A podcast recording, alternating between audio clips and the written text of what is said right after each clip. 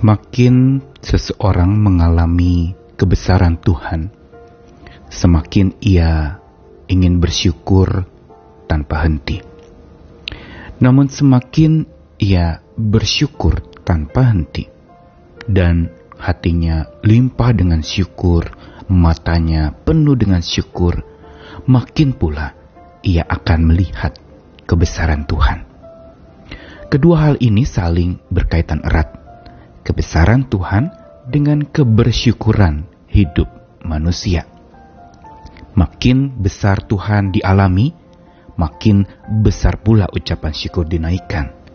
Makin besar ucapan syukur dinaikkan, makin besar pula karya Tuhan yang dialami, bahkan melalui hal-hal yang sederhana.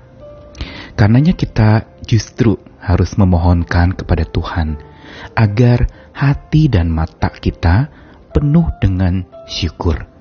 Sehingga dengan demikian kita bisa merasakan dan melihat dengan kacamata dan teropong syukur. Saya Nikolas Kurniawan menemani dalam Sabda Tuhan hari ini dari Mazmur 86 ayat yang ke-10 Sebab engkau besar dan melakukan keajaiban-keajaiban. Engkau sendiri saja Allah. Lalu yang kedua dari Mazmur 145 ayat yang ketiga. Besarlah Tuhan dan sangat terpuji, dan kebesarannya tidak terduga. Kedua Mazmur 86 dan 145 ditulis atau dinyanyikan oleh seorang penulis dan penyanyi yang sama yaitu Raja Daud. Mazmur 86 berlatar belakang kembali Daud mengalami permasalahan dan kesulitan di dalam hidupnya. Memang tidak dideskripsikan berupa apakah kesulitannya itu. Tetapi bukan dalam keadaan yang nyaman sesungguhnya, Daud menuliskannya. Tetapi kita tetap melihat bahwa inilah kekuatan iman percaya orang yang mengandalkan Tuhan, orang yang selalu hidup dari kebesaran Tuhan dan membesarkan nama Tuhan. Yaitu Daud di tengah-tengah kesulitan hidup yang dia sedang alami, dia masih bisa bersaksi bahwa Tuhan itu besar dan melakukan keajaiban-keajaiban dan dikatakan dalam ayat 10 tadi, engkau sendiri saja Allah. Berarti ada sebuah ketunggalan hati dari Daud yang menganggap hanya satu-satunya Allah yang dia andalkan itu adalah Tuhan yang dia sembah. Dan karena itulah dia memuji dengan mengatakan bahwa Tuhan itu maha besar. Allah itu melakukan keajaiban-keajaiban yang dahsyat. Padahal dia sedang ada di dalam keadaan yang sulit. Apa rahasia Daud? Lalu kemudian yang kedua di Mazmur 145 ayat yang ketiga. Kali ini Mazmur ini adalah terkenal dengan Mazmur puji-pujian yang berisi pengagungan nama Tuhan. Memang tidak berlatar belakang kesulitan atau masalah hidup yang sedang dialami oleh pemazmur. Tapi isinya hanya memuji. Isinya hanya berupa sebuah pengagungan Tuhan, pembesaran nama Tuhan. Sehingga itu disaksikan. Besarlah Tuhan dan sangat terpuji. Dan kebesarannya tidak terduga. Kembali Daud mengungkapkan akan kebesaran Tuhan. Kembali dia membesarkan nama Tuhan. Dan inilah kembali lagi kita lihat bagaimana iman Daud. Yaitu sebuah iman yang bukan membesarkan diri sendiri, tapi iman yang membesarkan nama Tuhan. Dan lebih dalam dideskripsikan di Mazmur 145 ayat 3 bahwa kebesaran Tuhan Allah itu tidak terduga. Arti dan makna tidak terduga di sini bukan sekedar tidak dapat diukur, tetapi juga tidak dapat ditebak. Cara kerja Tuhan menyatakan kebesarannya adalah cara yang unik dan ajaib. Tuhan menyatakan kebesarannya bahkan tidak melulu lewat hal-hal yang besar dalam hidup manusia, tapi juga lewat hal-hal yang dipandang remeh atau hal-hal yang ingin disingkirkan oleh manusia. Termasuk juga hal-hal kecil di mana Daud mengalami pimpinan Tuhan, keselamatan, kelepasan dari Tuhan, ini sungguh dia syukuri. Dan apa rahasia Daud?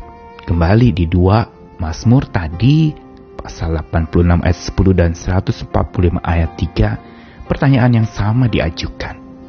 Apa rahasia Daud sampai dia selalu dan tanpa henti membesarkan nama Tuhan dan menyaksikan bahwa kebesaran Tuhan itu melakukan keajaiban-keajaiban dan hanya Tuhan itulah yang layak disembah. Begitu juga dia kembali membesarkan nama Tuhan dan menganggap hanya Tuhan yang layak untuk dipuji. Rahasia Daud adalah dia memiliki hati dan mata yang penuh syukur. Dari mana dia biasa bersyukur? Karena dia biasa mengalami kebesaran Tuhan. Dan dari mana dia bisa mengalami kebesaran Tuhan? Karena hati dan mata yang penuh syukur. Yang memampukan dia untuk melihat bahwa selalu ada bahana kebesaran Tuhan lewat hal-hal yang dia alami. Daud termasuk sosok yang, maaf, bertubuh kecil. Dia dibandingkan kakak-kakaknya waktu awal dia dilantik jadi raja. Dia adalah sosok yang tidak diperhitungkan orang. Tetapi di sini justru Tuhan memakai yang kecil dan tidak bermakna di mata manusia untuk menjadi bermakna di matanya dan menyaksikan banyak orang, bahkan membuat manusia-manusia di dunia ini bermakna oleh pribadi Daud yang tidak diperhitungkan manusia. Di sinilah sebenarnya bagaimana Tuhan melihat dengan cara yang ajaib. Menarik sekali dalam kitab suci Tuhan justru berkarya dan bekerja lewat hal-hal yang sederhana yang sering kali manusia anggap sepi, manusia anggap remeh. Bukankah kita juga lihat di dalam Mazmur 19 pengagungan akan alam semesta yang mengatakan bahwa langit menceritakan kemuliaan Allah. Kalau orang biasa mungkin memandang langit itu biasa. Tapi bagi si pemazmur itu menganggap bahwa langit itu sungguh di baliknya ada Tuhan yang diceritakan. Dan begitu pula mata yang penuh syukur dari Daud adalah mata yang selalu melihat ada kebesaran Tuhan dan dia tidak henti selalu membesarkan nama Tuhan, bukan untuk membesarkan namanya sendiri. Masih ingatkah bagaimana Daud ketika dia sudah besar jadi raja yang terkenal yang selalu menang perang? Yang dia ingat justru bukan kebesaran namanya atau segala kemenangan-kemenangannya, tapi dia justru membesarkan nama Tuhan dengan rindu untuk membangun rumah Tuhan. Dan ini mengingatkan kepada kita untuk bagaimana hati dan mata yang penuh syukur itulah yang memampukan seseorang bisa memandang kebesaran Tuhan di balik dan dalam segala sesuatu dalam hidupnya. Makin kebesaran Tuhan dialami, makin hati dan mata penuh syukur itu terus terbuka, tercelik, dirasakan kebesaran Tuhan itu senantiasa dan makin hati dan mata seseorang penuh syukur, maka dia juga akan makin mampu merasakan dan memandang bahana kebesaran Tuhan di balik segala hal, bahkan yang paling sederhana sekalipun. Dia melihat ada kebesaran Tuhan. Karenanya mari kita belajar terus. Setelah hampir satu bulan kita berbicara dan merenungkan tentang makna ucapan syukur dan khasiat bersyukur, mari kita belajar memiliki hati dan mata yang penuh syukur.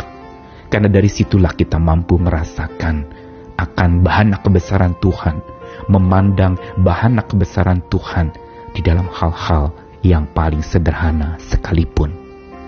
Mari jangan anggap remeh apa pun juga yang engkau alami, yang engkau hadapi, yang sedang menimpa hidupmu, tapi lihat ada kebesaran Tuhan di balik itu semua. Tuhan ingin menyatakannya buat setiap kita.